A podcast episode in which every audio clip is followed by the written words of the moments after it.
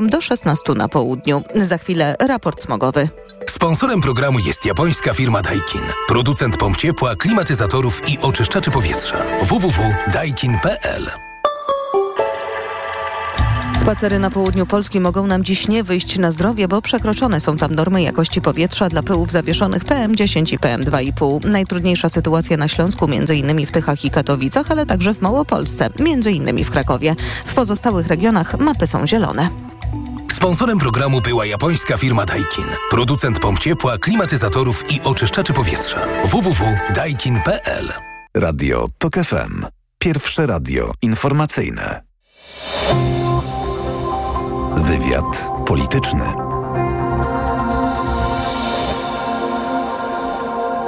Karolina Lewicka, dzień dobry, witam Państwa i zapraszam na wywiad polityczny. Mój i Państwa pierwszy gość, Anna Górska, senatorka, członkini Zarządu Krajowego Partii Razem. Dzień dobry, Pani Senator. Dzień dobry, witam panią, witam radiosłuchacze. Zaczynamy od e, sondażu Ipsos dla TOG FM i Okopres. 4,5 miesiąca po wyborach sytuacja wygląda tak, że PiS ma 30%, Koalicja Obywatelska 29%, Trzecia Droga 13%, Konfederacja 12%, a Lewica 6%. I jeżeli dokonamy porównania tych sondażowych prognoz wyborczych z pytaniem, na kogo głosowałbyś, głosowałabyś, gdyby wybory odbyły się w najbliższą niedzielę, z tymi prawdziwymi wynikami z 15 października ubiegłego roku, to dostrzegamy, że lewica traci ponad 2 punkty procentowe, czyli aż 1 czwartą poparcia z wyborów. I gdyby te wybory faktycznie odbyły się w najbliższą niedzielę, to zyskaliby państwo raptem 12 mandatów e, poselskich. Jak pani czyta tę sytuację lewicy? No myślę, że rzeczywiście doszło do jakiegoś osłabienia i te faktycznie 4,5 miesiąca od wyborów, które były skoncentrowane najpierw wobec powstawania nowego rządu, ta cała przepychanka trochę z pisem o to, żeby jednak już może odeszli od władzy, układanie nowego gabinetu, no i też takie pierwsze miesiące, które no trochę wzmacniają takie bardziej radykalne ruchy. Myślę, że tutaj to wzmocnienie Konfederacji no to jest głównie ich e, jak gdyby udział i stanie trochę na czele, przynajmniej częściowo w niektórych e, kręgach. No ale dopytam, bo państwo tracą, a Koalicja Obywatelska i Trzecia Droga nie tracą, nie, nie straciły na tym zamieszaniu, o którym pani powiedziała, tak. związanym właśnie z tym, że PiS długo nie przekazywał władzy, potem oczywiście powstanie nowego rządu. To państwo tracą. Faktycznie Konfederacja zyskuje akurat w tym sondażu 5 punktów procentowych, jest bliska podwojenia wyniku wyborczego, a przecież państwo kampanię wyborczą wyborczą e, pozycjonowali się w kontrze wobec Konfederacji. Ta linia podziału tak była w waszej kampanii tak, rozrysowana, mieliśmy... prawda? ale szliśmy też z bardzo wyraźnymi postulatami, które zmobilizowały bardzo dużą część kobiet do głosowania i myślę, że dzisiaj, znaczy nawet nie myślę, tylko wiem dokładnie, bo spotykam się z wyborcami e, w moim okręgu wyborczym i wiem doskonale, że dzisiaj kobiety są zniechęcone i odwróciły się trochę od polityki na skutek tego, że nie ma jasnej decyzji też nowego rządu dotyczącego tej kwestii, która mobilizowała je do tego, żeby pójść na wybory, czyli dotyczącego między innymi kwestii aborcji. I my to czujemy bardzo wyraźnie. Bardzo to od razu powiem, że nie musimy się tylko od koncentrować na kwestiach e, odczuć, e, bo możemy tutaj szkiełkiem i okiem spojrzeć e, na nasz sondaż. W październikowych wyborach kobiety głosowały nieco częściej niż mężczyźni, a dziś kobiety deklarują udział w wyborach zdecydowanie rzadziej niż panowie, bo tylko 47% pań do 56% y, panów. No tak, i to wynika ewidentnie z tego, i o tym mówią wprost kobiety, które, z którymi rozmawiam, że to wynika z tego, że nie ma jasnej deklaracji, nie ma decyzji, że koalicja rządząca nie e, proceduje ustaw aborcyjnych i tutaj nie ma się co oszukiwać, że, inne, że, że jest jakiś, jakikolwiek inny powód. Duża mobilizacja wokół postulatów, z którymi my szliśmy y, na równi tak naprawdę z koalicją obywatelską dotyczących właśnie legalnej aborcji. I to jest nadal nasz postulat i to jest to, czego mówimy wyraźnie, nie odpuścimy, ale widać tą demobilizację, bo widać, że te ruchy są blokowane, że ten temat jest y, sprowadzany na dalszy plan, że coraz silniej tutaj w gronie e, koalicjantów w koalicji 15 października słychać głosy jednak dotyczące referendum. No i to wpływa też na demobilizację, a nie ma się co oszukiwać. My jesteśmy tego doskonale świadomi, że kobiety, zwłaszcza młode kobiety, to jest bardzo duża część naszego elektoratu i one są zawiedzione i oczekują prawdopodobnie również od nas, na pewno również od nas jako lewicy, dużo mocniejszej postawy w tej sprawie i tego, że jednak doprowadzimy do procedowania tych ustaw. My no to, to, to mo momencik, pani senatorko, bo, bo zaraz będziemy kontynuować ten wątek, ale jest już wypowiedź, nie wiem, czy pani ją słyszała, wicemarszałka Sejmu Piotra Zgorzelskiego, że debata aborcyjna ma się odbyć na najbliższym posiedzeniu Sejmu, tym zaplanowanym między 6 a 8 marca. Wtedy mają być procedowane projekty Koalicji Obywatelskiej, który przewiduje możliwość aborcji do 12 tygodnia ciąży i mamy też projekt, oczywiście mamy projekt Lewicy także, one się różnią właściwie niuansami. Mamy też projekt Trzeciej Drogi proponujący powrót do tak zwanego kompromisu aborcyjnego sprzed wyroku Trybunału Konstytucyjnego z 2020 roku i przeprowadzenie tego ogólnopolskiego referendum. Właśnie o tę debatę aborcyjną chciałabym zapytać, bo marszałek Zgorzelski mówił, mm, że prawdopodobnie po tej debacie aborcyjnej będą one skierowane do Komisji Nadzwyczajnej. Ja się tak zastanawiam, mm, czy to umiejscowienie tych projektów Komisji Nadzwyczajnej ma je zamrozić na czas po wyborach ja, samorządowych i europejskich? Trochę mam taką obawę, że dzisiaj ta, ta zamrażarka trochę się przeniosła z poziomu marszałka Sejmu na poziom właśnie komisji nadzwyczajnych, bo ym, no, trochę tak jest, że tak przyjmiemy, że zagłosujemy wszystkie projekty, wyślemy je do komisji nadzwyczajnej, którą nie wiadomo kiedy powołamy i zobaczymy, co z tej komisji nadzwyczajnej nam wyjdzie. Spróbujemy znaleźć jakiś kompromis, a najlepiej, żeby to był kompromis dotyczący powrotu do kompromisu w cudzysłowie, tak? I trochę słyszymy też w kuluarach takie, takie sygnały. E, ja powiem szczerze, że nie jestem taka um, całkowicie przekonana, że trzecia droga, czyli PSL i Polska 2050, e, utrzyma jakąś dyscyplinę w sprawie procedowania tych e, ustaw, bo docierają do nas sygnały od posłanek e, z tego klubu, że one poprą projekt Lewicy. No ale zaraz, trzecia droga deklarowała zarówno Polska 2050, jak i PSL. W PSL-u nigdy nie było dyscypliny w sprawach światopoglądowych. Z tego co pamiętam, Szymon Hołownia także mówił, że w sprawach światopoglądowych samorządowych tej dyscypliny partyjnej e, nie będzie i każdy będzie odpowiadał za, za siebie, więc tutaj chyba nie ma żadnej spiskowej teorii, że no, będzie jakaś dyscyplina. Mam taką nadzieję, że tak, że tak rzeczywiście będzie i mamy naprawdę sporo sygnałów od posłanek pojedynczych z tego klubu, że one będą głosowały również i popierają postulat e, legalnej aborcji. My będziemy chcieli, żeby te, ten projekt był procedowany jak najszybciej. To jest nasza obietnica którą złożyliśmy wyborcom, wyborczyniom przede wszystkim e, i które wpłyną na tą wielką mo mobilizację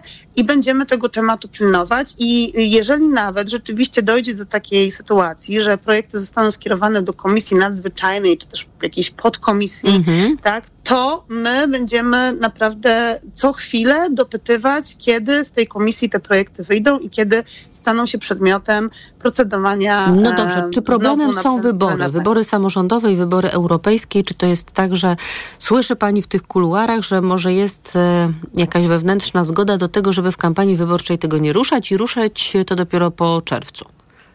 No, oczywiście, że krążą takie plotki, bo um, partie, które mają bardziej konserwatywne poglądy i bardziej konserwatywną e, chęć przyjmowania bardziej konserwatywnych projektów, a to już się ujawniło przecież również przy debacie dotyczącej chociażby tabletki e, dzień po, tak? Mhm. No to najchętniej by tej sprawy dzisiaj nie ruszały, bo to każe im się ewidentnie określić i może wpłynąć na jakąś tam część, bardziej konserwatywną część ich elektoratu. Przy czym ja powiem szczerze, że uważam trochę te obawy za e, irracjonalne, biorąc pod uwagę, że mamy również badania dosyć głębokie, badania poszczególnych elektoratów, poszczególnych partii i widzimy, że również w elektoracie trzeciej drogi jest większość e, jej wyborców również popiera nasze lewicy e, postulaty dotyczące legalnej aborcji do 12 tygodnia.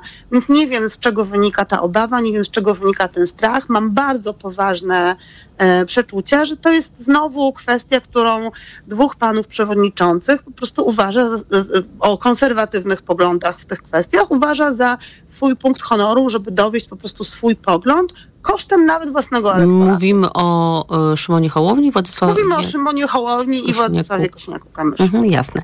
A jak pani powiedziała, że docierają do pani, czy szerzej do, do państwa z lewicy informacje, że niektórzy posłowie czy posłanki z na przykład trzeciej drogi będą głosować y, za tym rozwiązaniem, które lewica czy koalicja obywatelska proponuje, to czy to jest tak, że tam ktoś coś bąknie na korytarzu, czy państwo po prostu mogą, są w stanie ze sobą porozmawiać y, i policzyć po prostu, ile jest tych osób w klubie trzeciej drogi, które właściwie w dwóch klubach, bo to są dwa osobne kluby, ale powiedzmy, że na mhm. razie traktujemy ten byt łącznie. Mm, ile jest tych osób w Polsce 2050 i w PSL-u, które zagłosują, żeby po prostu policzyć te szable, czy starczy, czy nie starczy, bo to, ja tak ciągle słyszę od polityków, czy Koalicji Obywatelskiej, czy Lewicy, że no, tam niektóre posłanki zagłosują, jakbyście państwo nie rozmawiali ze sobą, jakby to było niewykonalne.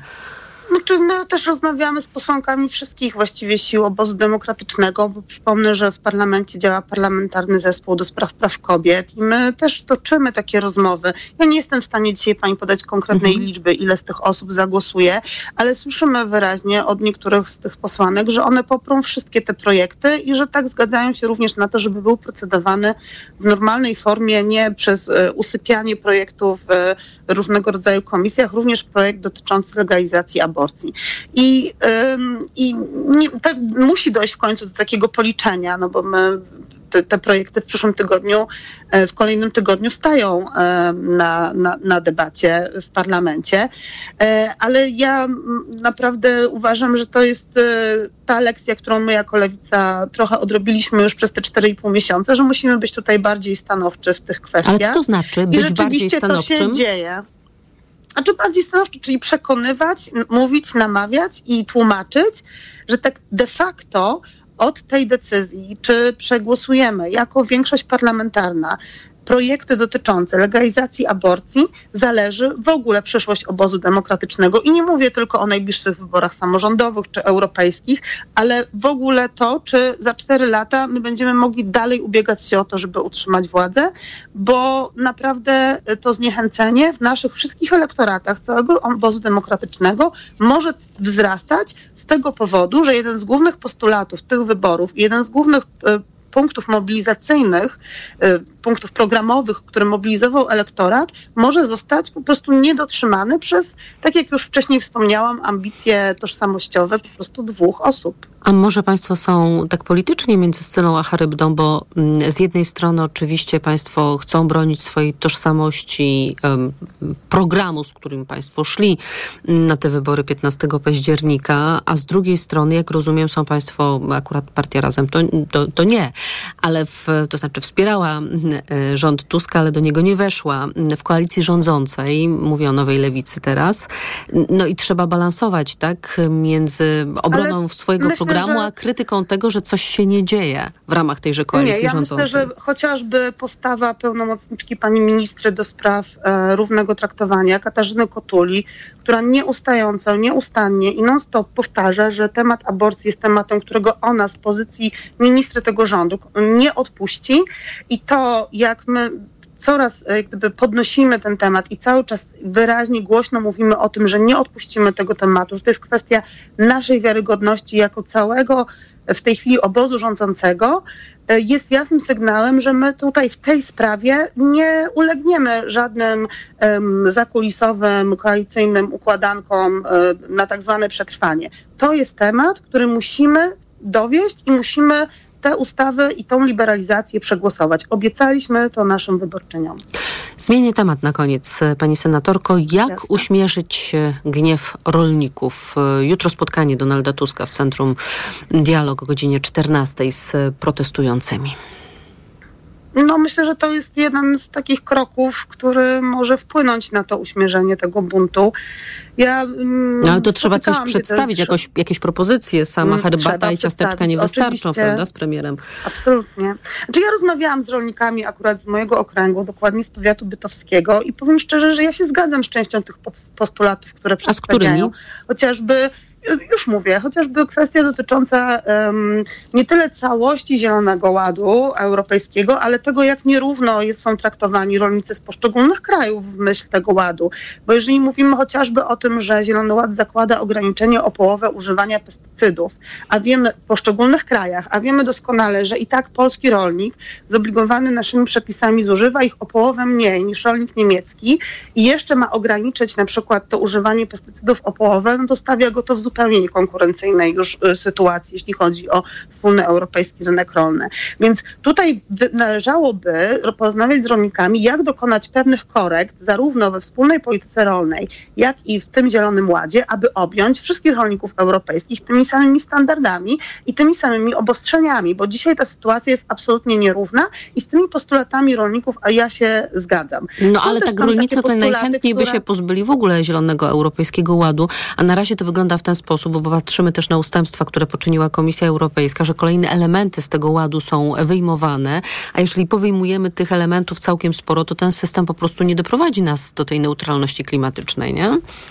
Nie wszyscy rolnicy, bo są też rolnicy, którzy prowadzą ekologiczne gospodarstwa, gdzie ten Zielony Ład też działa na ich korzyść, więc to też nie jest takie super jednorodne środowisko. I oczywiście, że wszyscy byśmy chcieli, żeby nie mieć żadnych ograniczeń i żeby móc po prostu produkować i zarabiać e, w absolutnej wolności. No, jesteśmy w takiej sytuacji, z którą nie da się dyskutować. Musimy wprowadzić pewne pewne obostrzenia, żeby produkować żywność w Europie dobrej jakości, żeby zwracać też uwagę na różnego rodzaju kwestie klimatyczne, bo nawet jeżeli dzisiaj powiemy, że Zielony Ład nas nie obchodzi i nie ma co walczyć o klimat, no to przecież my musimy pamiętać o tym, że jeżeli nie wprowadzimy pewnych reguł i pewnych zasad i pewnych ograniczeń tej wolności produkcji rolnej, to możemy doprowadzić do sytuacji, że za 20 czy 30 lat w ogóle nie będzie można prowadzić produkcji rolnej, bo ziemie będą jałowe, bo klimat nam na to w ogóle bo nie wody pozwoli. zabraknie. Już dzisiaj mamy bardzo Musimy poważne kończyć. problemy z produkcją rolną, przez chociażby suszę glebową tutaj, chociażby w moim regionie na Kaszubach. Anna Górska, senatorka, członkini Zarządu Krajowego Partii Razem, moim i Państwa gościem. Dziękuję Pani senatorko. Dziękuję, do usłyszenia. Informacje. Wywiad polityczny.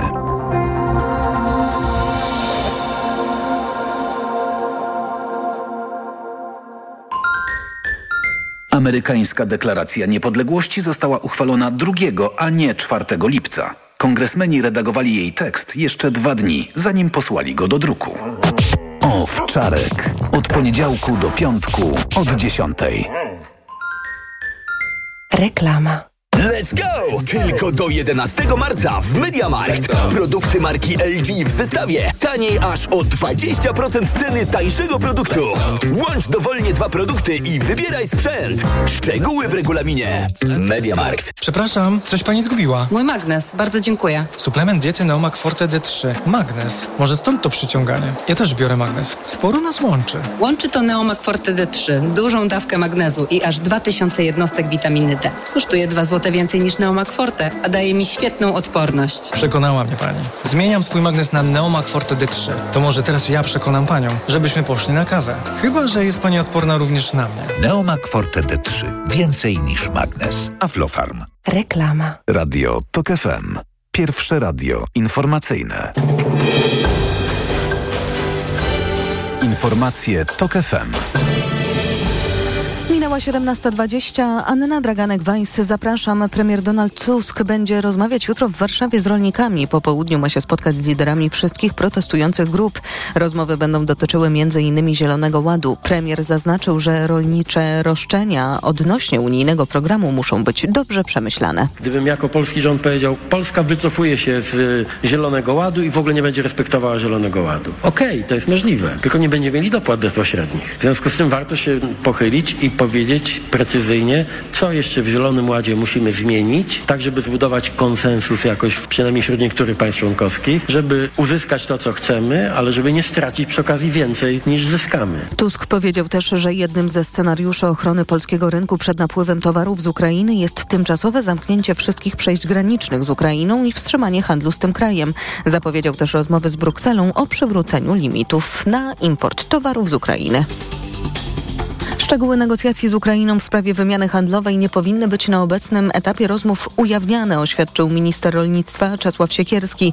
Dziś posłowie PiSu po kontroli w resorcie domagali się od ministra odtajnienia dokumentów. Zapowiedzieli też, że będą weryfikować, czy minister utajniając je działał zgodnie z prawem. Słuchasz informacji TOK FM. Norweski Komitet Noblowski potępił skazanie przez moskiewski sąd na 2,5 roku więzienia Olega Orłowa, współzałożyciela Stowarzyszenia Memoriał. Organizacja ta otrzymała dwa lata temu pokojową Nagrodę Nobla. Komitet stwierdził w oświadczeniu, że wyrok ma podłoże polityczne i stanowi kolejny dowód na rosnący brak poszanowania praw człowieka i wolności słowa we współczesnej Rosji. Podkreślono, że memoriał głośno krytykuje wojnę Rosji przeciwko Ukrainie. Kolejne informacje w TOK FM o 17.40. Pogoda. Jutro sporo chmur, ale możemy liczyć na przejaśnienia. Miejscami może przelotnie popadać deszcze na termometrach w ciągu dnia od 7 stopni na północy, około 11 w centrum, do 16 na południu kraju. Radio TOK FM. Pierwsze radio informacyjne. Wywiad polityczny. Tomasz Orłowski jest z nami, były ambasador we Francji, we Włoszech. Dzień dobry, panie ambasadorze. Dzień dobry pani, dzień dobry państwu. Pan ambasador zostanie z nami do 18. Jest sporo wątków związanych między innymi z Francją, ale oczywiście także z Polską i z Ukrainą. W Paryżu odbyły się wielostronne rozmowy plenarne poświęcone wojnie w Ukrainie. Uczestniczył w nich między innymi polski prezydent Andrzej Duda i podczas tychże rozmów bardzo szeroko rezonowała wypowiedź francuskiego prezydenta Emmanuel Macron. Rzekł, nie ma dziś konsultacji konsensusu w sprawie wysłania wojsk w oficjalny, zaakceptowany i zatwierdzony sposób, ale w ujęciu dynamicznym niczego nie należy wykluczać. Zrobimy wszystko, co konieczne, aby Rosja nie mogła wygrać tej wojny. Tak. Ta wypowiedź Macrona rozpoczęła taki festiwal zaprzeczania temu, by ktokolwiek chciał swoich żołnierzy na Ukrainę słać. Biały Dom zaprzeczył na pytanie agencji tak Reutera. Liderzy Grupy Wyszehradzkiej zaprzeczyli, pan prezydent Duda zaprzeczył, była Minister żarliwa Cameron. dyskusja, tak, więc wszyscy zaprzeczyli. Tak. Ale zanim zapytam o to, to zapytam o coś, co mnie intryguje, o czym już kiedyś rozmawialiśmy, o ewolucję Macrona, bo pamiętamy jego liczne telefony mm. do Władimira mm. Putina, mm. wieszenie na tej słuchawce, a teraz nagle taka drapieżność polityczna. Pamiętamy, że nie chciał upokorzenia Rosji. Mm -hmm. Pamiętamy, że mówił, że to jest wojna dwóch braci, Ukrainy i Rosji. No tak, no to jest ten problem, z którym się spotykamy. Emmanuel Macron jest e, stale zaskakującym nas. Ale gra o miejsce w historii? E, obawiam się, że tak. E, ja się obawiam zawsze tak zwanych szybkich pomysłów. W polityce to jest bardzo niebezpieczna rzecz. Oczywiście on ma dosyć trudną sytuację i jeśli, jeśli chciałoby się to wszystko przeanalizować, to można w tym znaleźć elementy głęboko pozytywne, ale to głęboko pozytywne, natomiast dużą część bardzo negatywnych jak się spojrzy na dzisiejszą prasę paryską, to, to, to jest jedno, ale to powszechne e, odrzucenie tego, co, co, co on mhm. powiedział. Więc tak, zacznijmy od tego, co jest pozytywne, co wydaje mi się jednak ważniejsze. Pozytywne jest dwie rzeczy. Pozytywne jest to, co pani przed chwilą cytowała, że Macron powtórzył, że jedyne rozwiązanie, które nas satysfakcjonuje, to jest to, żeby Rosja tej wojny nie, była nie wygrała. Mhm. I wydaje mi się, że na tym budować wspólne podejście jest niezwykle ważne. Szczególnie kiedy się weźmie pod uwagę, że jeszcze niedawno brał pod uwagę to, że można się dogadać jakoś, mhm. że być może trzeba będzie e, Skłonić do Tak jest. A zatem teraz widzimy, że nie ma mowy. To jest pierwsza rzecz. A druga rzecz, że ta wojna jest czymś, co, e, co determinuje politykę europejską na najbliższe lata. I to są dwie rzeczy, które są głęboko pozytywne dla mnie. E, ja liczę, że to są rzeczy, które mają elementy trwałości w mhm. podejściu Emmanuela Macron. Jakie są drugie, czyli te niestety e, niestety te, które gorzej widzą. To ja jeszcze jeden cytat, mhm. bo przecież prezydent mówi jedno, a potem występuje francuski minister spraw wewnętrznych i pytany o te słowa mówi, nie ma mowy o prowadzeniu wojny z Rosją. Oczywiście. Już mieliśmy e, rok temu historię, kiedy prezydent Macron udzielał wywiadu Politico, w samolocie wracającym z Chin, który to wywiad został następnie ocenzurowany przez służbę prasową Pałacu Elizejskiego, co jest rzeczą niewiarygodną, prawda? E, więc jakiś problem tutaj, tutaj bym widział. Na czym polegają problemy, które ja dostrzegam? No bo są jakby trzy różne płaszczyzny wypowiedzi y, prezydenta Macron z jego punktu widzenia. Pierwsza dotyczy sytuacji wewnętrznej kraju. Perspektywy wyborcze, e, zainteresowanie Francuzów kontynuacją wsparcia dla Ukrainy, pozycja pani Le Pen, która otwarcie jednak e, jest e, powiązana z Putinem i rosyjskim reżimem. Od razu powiedzmy, że konkurenci polityczni prezydenta od razu się na niego rzucili, twierdząc, że stracił miarę rozsądek polityczny, powagę. No, ja nie będę używał, nie będę używał tak daleko idących, ale jestem zdziwiony tym. Jestem najgłębiej zdziwiony i dosyć zaniepokojony. Więc tak, po pierwsze, on musi w jakiś sposób próbować się zarysować na tej scenie politycznej wewnętrznej e, w sytuacji, kiedy e, no, tą linią sporu będzie również poparcie dla Rosji. I to się w jakiś sposób... Y, dla Rosji ze strony Le Pen. A, w ten sposób. Mhm. Czyli, czyli, że y, no, podzielić jakby tę, tę, tę scenę Czyli linia podziału tak na jest, siły tak proukraińskie tak i antyrosyjskie tak te, które tak. są pożytecznymi idiotami Rosji. Czyli to jest pierwszy wymiar. Proszę pamiętać, że Francuzi nie są zachwyceni e, przedłużającym się konfliktem, że o wszystko dzisiaj, no nie oni jedni, mhm. oskarżają tę wojnę o inflację, o, yy, o przybywanie produktów ukraińskich również do Francji. No bardzo ostre protesty rolników we Francji też ostrzejsze niż w Polsce. Tak, zdecydowanie ostrzejsze. Zdecydowanie ostrzejsze. Także no i wreszcie to, że prezydent zapowiedział 3 miliardy euro wsparcia dla Ukrainy, kolejne. Hmm. Czyli, Czyli to rozumiem, wszystko to musi, się Francuzom nie podoba, On tak? musi tym zarządzać. To jest pierwsza rzecz. Druga rzecz e, to jest e, sytuacja która wszystkim nam grozi, perspektywa, gdzie w wyborach prezydenckich w Stanach Zjednoczonych zwycięży Donald Trump. Mm -hmm.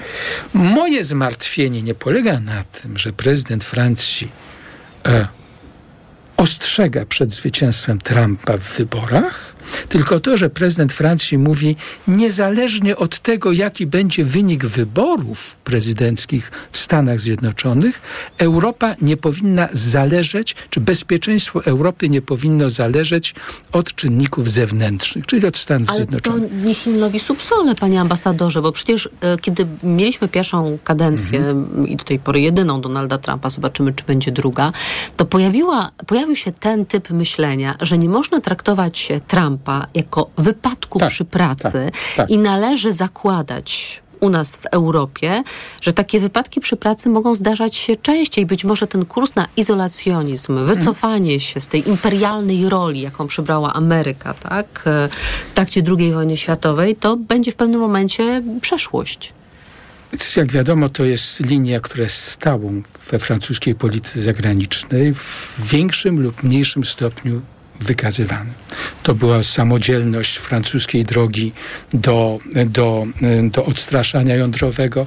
To była droga bardzo specyficzna mm -hmm. wyjścia i powrotu ze struktur to wojskowych był de Gaulle NATO. Tak, tak, oczywiście. Ze swoją obsesją antyamerykańską. E, czy to była obsesja? Trudno mi powiedzieć. W każdym razie generowanie tego, tego, tej podmiotowości Europy, którą już w końcu de Gaulle wymyślił. No przecież mówiąc... de Gaulle blokował Brytyjczyków przed wejściem do Unii Europejskiej, oczywiście. ponieważ myślał, że to będzie koń trojański no amerykańskich tak kowbojów. Nie bez racji. E, I teraz ten, ten, ten, ten, ten Macron, który mówi, Europa musi skorzystać z tej okazji, żeby stać się trzecim e, składnikiem siły trzecim aktorem światowym. Ja myślę, że to jest bardzo niebezpieczne.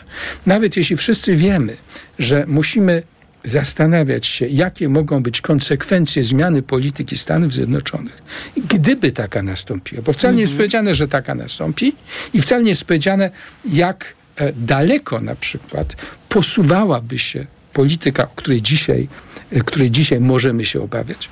E, ja jestem przekonany, że nie wolno w taki sposób generalizować.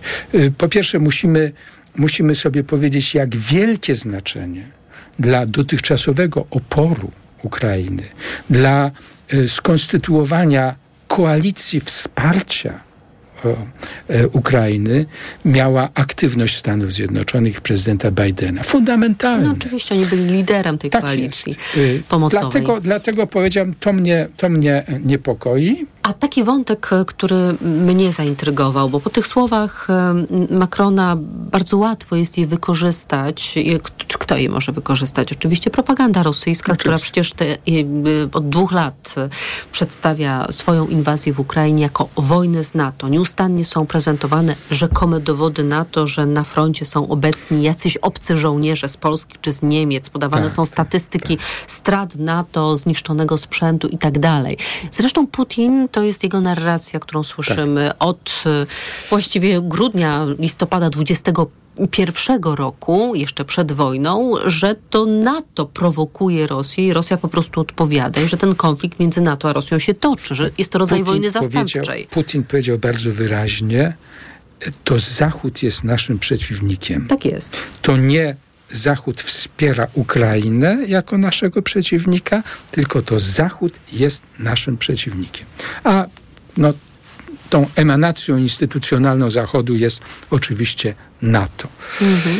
E, no, mieliśmy zresztą od razu wypowiedź rzecznika prasowego Kremla, Pieskowa, który, mhm. który w ten sposób to skomentował, że... że Czyli woda na młyn. Tak. No jest trzeci aspekt, to są znowu trudne stosunki francusko-niemieckie.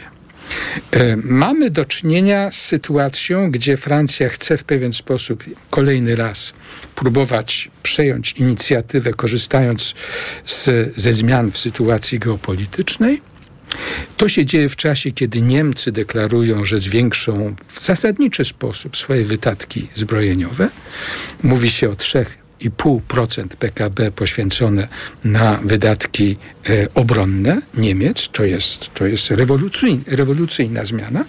Dla Francji to tworzy znowu nową sytuację, którą z której nie jest Francja zadowolona w pewien sposób, ponieważ dotychczas posiadanie poczucia, że jest się e, strategicznie, wojskowo silniejszym uczestnikiem tego tandemu francusko-niemieckiego stanowiło pewne zabezpieczenie dla różnicy potencjałów gospodarczych. Francja kompensowała swoją e, słabszą pozycję mhm. gospodarczą, czy mniejszej gospodarki w stosunku do gospodarki niemieckiej, tym, że jest stałym członkiem Rady Bezpieczeństwa i posiada samodzielną decyzję w użyciu ewentualnym odstraszania jądrowego. Dzisiaj e, Macron musi również ustawić swoje stosunki z Niemcami, z Scholzem, które nie są łatwe, które są, powiedziałby się, pomiędzy tymi parami przywódców francuskich i niemieckich jedne z najgorszych. Bo? Nie ma między nimi takiej osobistej chemii, czy są konflikty no, interesów? Przede wszystkim konflikt interesów, ale konflikt interesów zazwyczaj, konflikt interesów istnieje zawsze. -hmm. Ten konflikt interesów próbuje się rozbadować dzięki dobrej współpracy przywódców. Przy, współpracy, która polega na jakimś oferowaniu czegoś za coś, czyli -hmm. polityki negocjacyjnej. Otóż w tej chwili wydaje się, że jest to coraz trudniejsze, coraz trudniejsze również ze względu, że w obu krajach oba rządy są stosunkowo słabe. Francja ma rząd mniejszościowy, e, Niemcy mają bardzo trudną koalicję e, sygnalizacji drogowej czerwono-żółto-zieloną. Tomasz Orłowski z nami zostaje. Słyszymy się tuż po informacjach. Wywiad polityczny.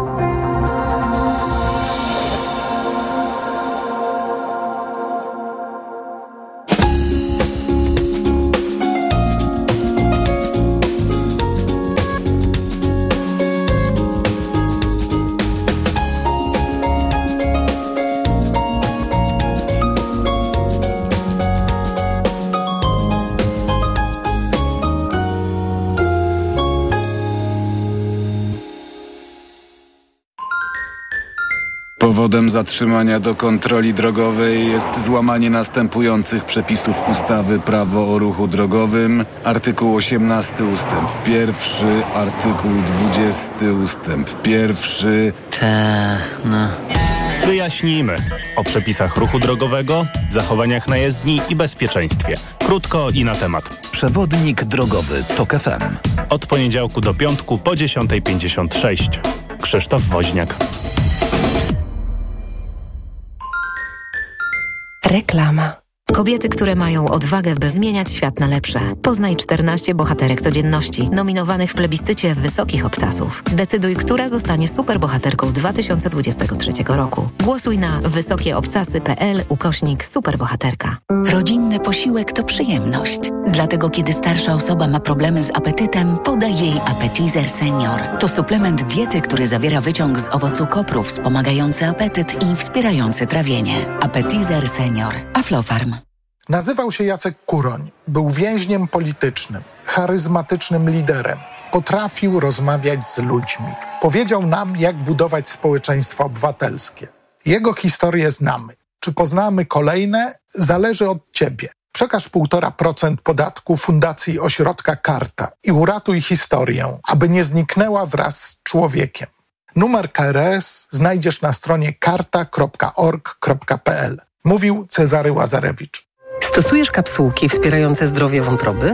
Wypróbuj nowość. Esselif 600. Dlaczego? Esselif 600 to aż 600 mg fosfolipidum essentiale z nasion soi w jednej kapsułce. Suplement diety Esselif 600 stosuje się raz dziennie, a opakowanie wystarcza na 50 dni. Zapytaj w aptece o Esselif 600, a cena na pewno pozytywnie Cię zaskoczy. Esselif 600. Zdrowie dla wątroby, korzyść dla portfela. Wyciąg z ostryżu długiego wspiera zachowanie zdrowej wątroby. Aflofarm. Panie Pascalu, ma pan jakiś przepis na tanią kuchnię? To bardzo proste. Idziesz do Media Expert, kupujesz sprzęty do kuchni z promocją multirabaty i piąty produkt masz za złotówkę. No i merci bardzo. Multirabaty w Media Expert. Im więcej produktów promocyjnych kupujesz, tym taniej. Drugi produkt 30% taniej lub trzeci 55% lub czwarty 80% lub piąty produkt za złotówkę. Więcej w sklepach Media Expert i na mediaexpert.pl. Dlaczego babcia ma wielkie oczy? Bo nadziwić się nie może, że to już dziesiąta edycja konkursu Biedronki Piórko 2024. Masz w głowie książkę dla dzieci? Napisz ją i zdobądź 100 tysięcy złotych w konkursie dla debiutujących pisarzy. Najlepsza książka trafi na półki sklepów sieci Biedronka w całym kraju w tym roku. Otwórz oczy swojej wyobraźni. Masz czas do 21 marca. piorko.biedronka.pl Lubisz ryzyko? Z nami możesz wygrać więcej niż myślisz. Dołącz do nowego programu. Tylko dla mężczyzn.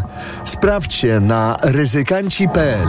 Zapraszam. Zygmunt Heiser. Tyle się teraz słyszy o wszawicy. Codziennie sprawdzam głowę Ali. Boję się, że znowu złapie wszy. Mieliśmy to samo, ale teraz u naszych dzieci stosujemy profilaktycznie Sora Protect. Sora Protect? Tak, Sora Protect to aerozol, który ma właściwości powlekające oraz olejki zapachowe, dzięki czemu odstrasza wszy i gnidy. Sora Protect zapobiega zarażeniu i ogranicza rozprzestrzenianie się wszawicy. Wystarczy codziennie spryskać włosy i to tyle. To jest wyrób medyczny. Używaj go zgodnie z instrukcją używania lub etykietą. Aflofarm. Teraz jest czas sprzątania. Po tym, co zrobiono praworządności. Zależy mi na odbudowie instytucji państwa, by służyły obywatelom. Abyśmy tworzyli wspólnotę, w której nasze prawa są respektowane. Polska jest zbyt ważna, żeby zostawić ją tylko politykom. Wspieraj aktywistki i aktywistów. Przekaż 1,5% podatku na Fundusz Obywatelski imienia Henryka Wójca. Ewa Łętowska. Adam Strzembosz. Hanna Machińska. Adam Zieliński, Łona. Reklama. Radio TOK FM. Pierwsze radio informacyjne. Informacje TOK FM. Minęła 17.40. Anna Draganek-Weiss. Zapraszam. Rozmowy ze stroną ukraińską o całkowitym zamknięciu granicy z Ukrainą Rozmawiamy ze stroną ukraińską o całkowitym zamknięciu granicy z Ukrainą, ale byłoby to rozwiązanie tymczasowe, powiedział premier Donald Tusk. To jak wskazywał jeden z możliwych scenariuszy ochrony polskich rolników przed napływem towarów z Ukrainy. Jutro w Warszawie mają odbyć się rozmowy rządu z rolnikami. Nie będę odkrywał tu jakiejś tajemnicy, rozmawiamy także ze stroną ukraińską o czasowym zamknięciu granicy i wymianie, zamknięciu w ogóle wymiany towarowej. O tym też będę rozmawiał jutro z polskimi rolnikami, ale takie rozwiązanie byłoby tylko tymczasowe i obustronnie bolesne. Polska ma nadwyżkę handlową z Ukrainą. Dużo więcej sprzedajemy na Ukrainę niż dociera do nas z Ukrainy. Donald Tusk zapowiedział, że jutro z rolnikami będzie rozmawiał także o dopłatach albo wykupie zalegającego polskiego zboża. Rolnicy z północno-wschodniej Polski zapowiedzieli, że w najbliższy piątek rozpoczną protest przed polsko-litewską granicą w Budzisku. Ich akcja i związane z nią utrudnienia mają potrwać do 7 marca. Głównym celem protestu jest y, skontrolowanie i ograniczenie przewozu zboża ukraińskiego na Litwę i z powrotem do Polski. Rolnicy oczekują od strony litewskiej wprowadzenia zakazu importu zboża z Ukrainy i wdrożenia przepisów tranzytowych, podobnych jakie obecnie obowiązują w naszym kraju. Słuchasz informacji TOK FM. To będzie precedensowy proces. Koalicja 34 europejskich organizacji medialnych z 17 krajów rozpoczęła postępowanie sądowe przeciwko firmie Google.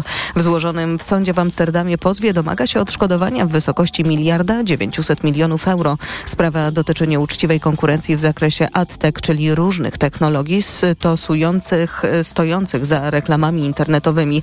Francuski odpowiednik Łokiku stwierdził, że ten konflikt interesów doprowadził firmę Google do preferowania własnych narzędzi, co osłabiło konkurencję. W postępowaniu uczestniczy Agora SA oraz grupa Eurozet, której częścią jest TOK FM. Pogoda. Jutro sporo chmur, ale możemy liczyć na przejaśnienia. Miejscami może przelotnie popadać deszcz. Na termometrach w ciągu dnia od 7 stopni na północy, około 11 w centrum do 16 na południu kraju. Radio TOK FM. Pierwsze radio informacyjne.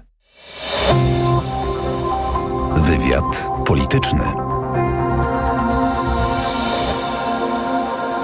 Tomasz Orłowski nadal jest z nami, były ambasador we Francji i we Włoszech. Raz jeszcze dzień dobry. Jeszcze raz dzień dobry. Rozmawialiśmy przed informacjami o tym, co powiedział Emmanuel Macron i jak to rezonowało. Ja tylko jeszcze jeden cytat z francuskiego prezydenta, który przekonywał, że wiele osób, które mówią dziś nigdy, nigdy, to te same osoby, które mówiły, że Ukraina nigdy nie otrzyma zachodnich czołgów, Tak, samolotów, tak, pociągów, e, pocisków dalekiego zasięgu. I tu akurat trzeba mu przyznać e, rację, bo widzieliśmy, jak te granice były przesuwane. Tak? Jak Jaki on sam był- zmienia, Jak on sam mówiliśmy. oczywiście tak e, Ja zmieniał. nie widzę w tym niczego nagannego, natomiast widzę, widzę coś. Powiedzieć, że, że nie można z góry zakładać, jest rzeczą właściwą. Mamy w dodatku do czynienia z sytuacją dramatyczną w tej chwili, pewnego przełomu, gdzie Mhm. z jednej strony widzimy, że, e, że Że jest pad na froncie. tak, siły ukraińskie są coraz bardziej Czy mogą utrzymać obronę? Nie są w stanie atakować. E, Rosjanie przejmują inicjatywę strategiczną. Być może będzie ofensywa wiosenna, tego nie wiemy, A ale w jest spodziewana. jeszcze, jeszcze wybory prezydenckie, które muszą mieć swoją... 17 marca. Tak jest.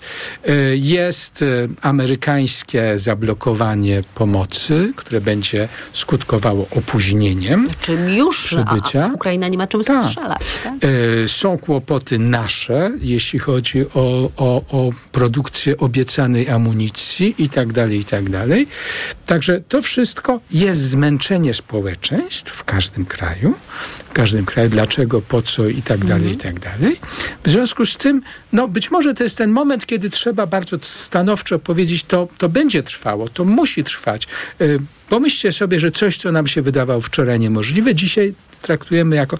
Rzeczywiście pamiętam, jak po raz pierwszy się pojawiło myślenie F-16 dla Ukraińców. No Mhm. przecież e, to, żeby Polska oddała swoje e, MIGI 29 jeszcze na początku, no w ogóle był temat zaklęty. Także wszystko idzie do przodu. I z tego punktu widzenia to jest niewątpliwie dobre. Natomiast A czy ta wypowiedź ma potencjał odstraszający Rosję? Bo mówiliśmy o tym, tak że ona może być, e, Znaczy, może być wodą na młyn propagandy, ale... Znaczy, prezydent Macron również, co uważam za mm, nie, nie, nie na miejscu, twierdził, że strategiczna dwuznaczność Mhm. jest elementem odstraszającym.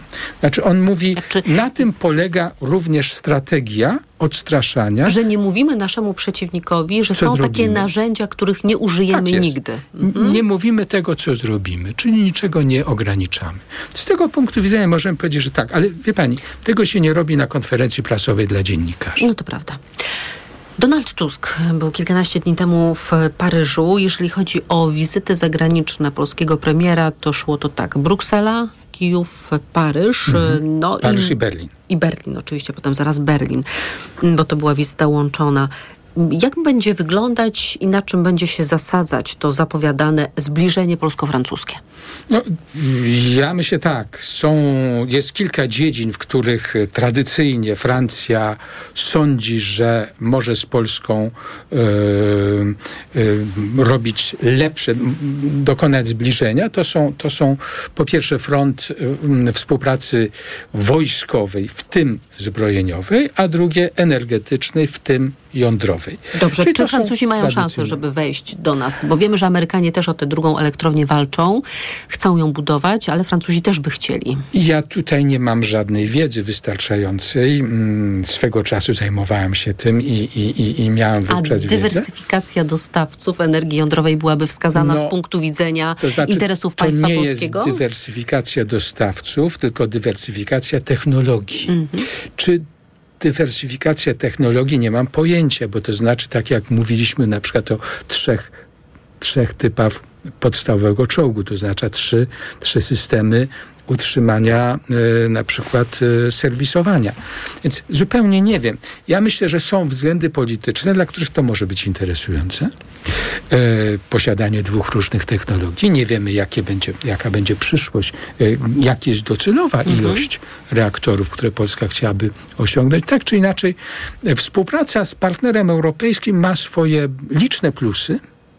Wśród tych plusów z całą pewnością byłoby byłoby uzyskanie większej życzliwości instytucji europejskich, gdzie państwo, jeśli będzie więcej państw myślących na rzecz, e, na rzecz powrotu do, do energetyki jądrowej albo rozwijania energetyki Europy, z całą pewnością to będzie korzystne dla tych, które podejmują nowe projekty. To nie macie takich. A kwestia rolników, o której już mówiliśmy, mówiąc o tych protestach, które bardzo też intensywnie przebiegały we Francji, w -hmm. Belgii, w -hmm. Polsce cały czas te mhm. protesty trwają, choć są mhm. mniej ostre mhm. w swojej formie tak. i treści, bo chyba też premier Tusk liczy na wsparcie Paryża przy ochronie rolników no, przed e, Zielonym Europejskim Ładem, z którego to ładu powoli europejski mainstream się wycofuje, będąc pod presją sił radykalnych, które rosną w siłę.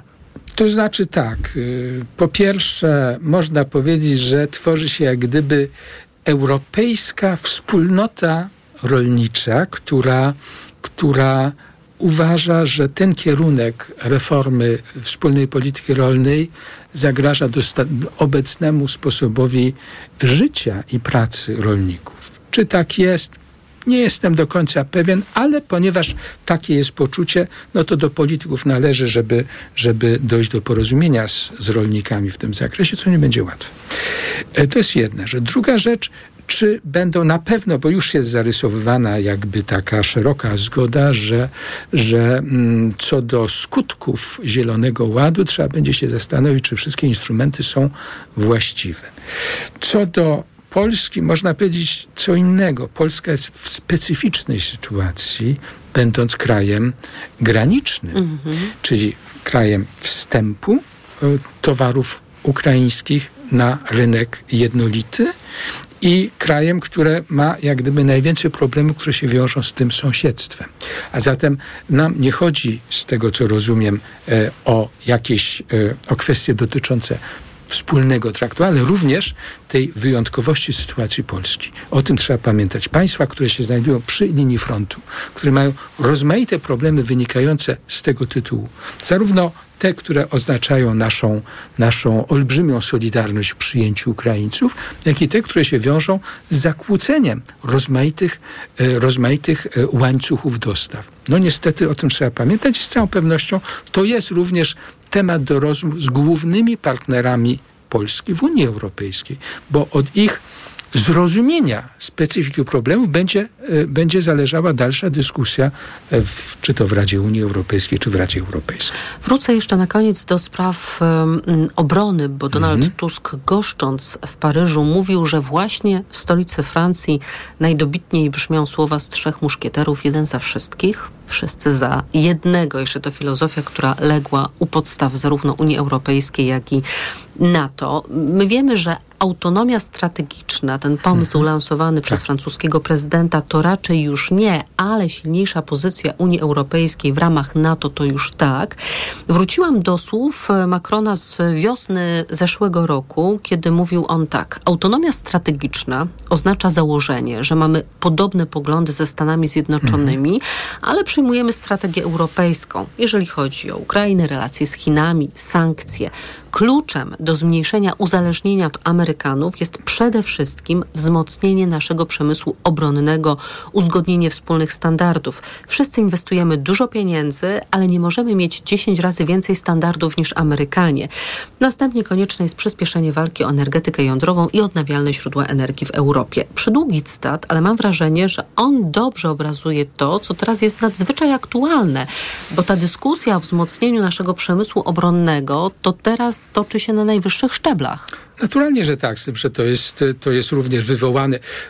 To jest wywołane sytuacją, ale również czymś, co jest fundamentalne, e, mianowicie e, takim apelem, który pojawia się coraz częściej, że niestety, czy nam się podoba, czy nie, Europa, a szeroko mówiąc Zachód, czyli nie tylko Europa, ale również, ale mówmy teraz o Europie, musi przestawić gospodarkę na tory niestety wojenne. Jest, Innymi słowy, o tym mówił. Tak jest. Innymi słowy, trzeba sobie powiedzieć, że coś, co nazywano dywidendą pokoju, czyli po 1989 roku można by powiedzieć, państwa europejskie mogą tnąć ciąć, ciąć przepraszam, tak. mogą ciąć wydatki obronne, wydatki na zbrojenia, dlatego że dzisiaj nie ma perspektywy jakiegokolwiek poważnego A teraz zagrożenia. mamy perspektywę konfliktu zbrojnego z Rosją. W tak perspektywie jest. kilku lat mówił o tym niemiecki minister Mówi się obrony. od trzech do pięciu lat o potencjalnej możliwości jakiegoś konfliktu z NATO. Czyli agresji rosyjskiej, tak? To Bo... trudno powiedzieć, bo są rozmaite scenariusze. Natomiast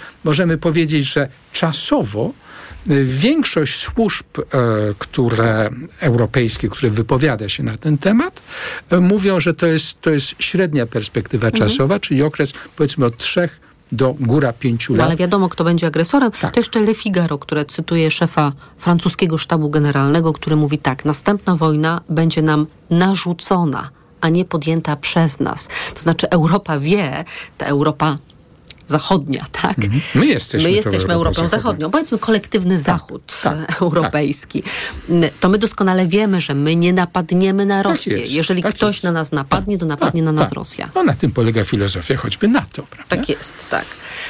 To jeszcze Panie ambasadorze, ten francuski parasol nad Polską, mm. nuklearny, mm. który się pojawił także w ostatnich dniach, prezydent Duda na pytanie, czy Polska byłaby silniejsza, gdyby była chroniona bronią nuklearną, odpowiedziałbym, że oczywiście, że tak i w ten sposób polski prezydent odniósł się do słów prezydenta Francji na temat objęcia europejskiej części NATO parasolem nuklearnym.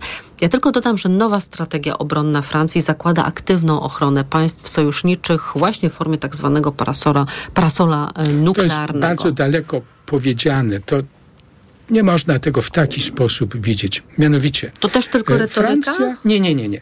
Francja posiada ograniczony arsenał jądrowy, odstraszania jądrowego. To jest arsenał, który jest nieporównywalny z, z tym, co posiadają 280 głowic tak, termojądrowych. Tak jest. jest to oczywiście arsenał, który jest wystarczający, żeby w przypadku ostateczności użyć go przeciwko celom na terenie państwa agresora. E, Francja złożyła deklarację polityczną, że jest gotowa użyć takiego, takiego środka odstraszania ostatecznego w stosunku do państw partnerskich w Unii Europejskiej. Trzeba jednak powiedzieć, że nic więcej na ten temat nie wiemy. E, próby tego rodzaju istniały w przeszłości. Mhm. Wie pani, swego czasu istniała nawet francuska propozycja, żeby, żeby podzielić się siłami jądrowymi, czy właśnie kosztami mhm. utrzymywania samodzielnych sił jądrowych z Niemcami i Włochami. To jeszcze w latach 60. E, taki triumvirat miał powstać. E, nigdy to się nie spełniło. Wielokrotnie było nawet za, za prezydenta Mitterranda wobec, wobec Niemców i tak dalej, i tak dalej. E, tego rodzaju myśl funkcjonuje.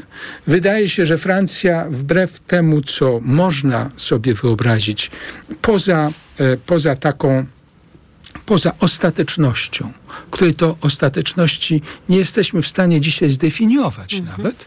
E, powiedzenie, no my posiadamy zdolności i jesteśmy gotowi zaoferować ich użycie Unii Europejskiej, ale proszę pamiętać, to znaczy, to pozostają siły francuskie, decyzja pozostaje wyłącznie francuska, na tym polega samodzielność i suwerenność francuska, decyzja jest francuska, a nie Unii Europejskiej. W związku z tym, no, trzeba by sobie wyobrażać sytuację, gdzie, gdzie to Francja mówi, a teraz uważamy, że wasze bezpieczeństwo wymaga tego, żebyśmy odpalili nasz, naszą rakietę z naszego okrętu strategicznego. No i takie okrętu słowa teraz padają, że jeżeli na przykład nastąpiłaby napaść na Niemcy czy na Polskę, no to właściwie byłaby to też, byłoby to też no, zagrożenie bezpieczeństwa rodzaju, francuskiego. Tak, ale tak? Tego, rodzaju, tego rodzaju jakby scenariusz wydaje się być w moim przekonaniu bliski zeru. Tomasz Orłowski, były ambasador we Francji, we Włoszech, był moim Państwa gościem. Panie ambasadorze, bardzo dziękuję za Dziękuję rozmowę. Pani, dziękuję Państwu. Państwu dziękuję za wspólnie spędzony czas. Wywiad polityczny dobiega końca. Program wydawał Tomasz Krzymiński, a zrealizował go Krzysztof Olesiewicz. Za chwilę na naszej antenie TOK 360, na który to program zaprosi Państwa Adam Ozga. Ja oczywiście polecam czwartkowy poranek w Radiu TOK FM. Z wszystkimi chętnymi usłyszymy się już jutro, tuż po siódmej. A teraz już dobrego popołudnia, spokojnego wieczoru. Do usłyszenia. Wywiad polityczny.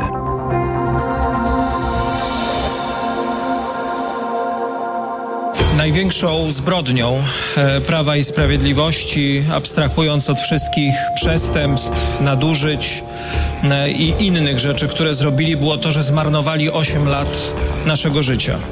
8 lat życia naszych najbliższych, że cofnęli nas o te 50 lat, zamiast pchnąć nas do przodu, ku przyszłości, w której żyć będą nasze dzieci. Dlatego wszyscy dzisiaj tutaj jednym głosem apelujemy do prezydenta Dudy, żeby nie marnował ani sekundy więcej naszego czasu. Mamy dzisiaj e, dwóch e, poważnych e, kandydatów do stanowiska premiera. Nie ma potrzeby zwlekać, kombinować, kluczyć. Trzeba po prostu jasno i wyraźnie powiedzieć tak. Naród, który wybrał pana na to stanowisko,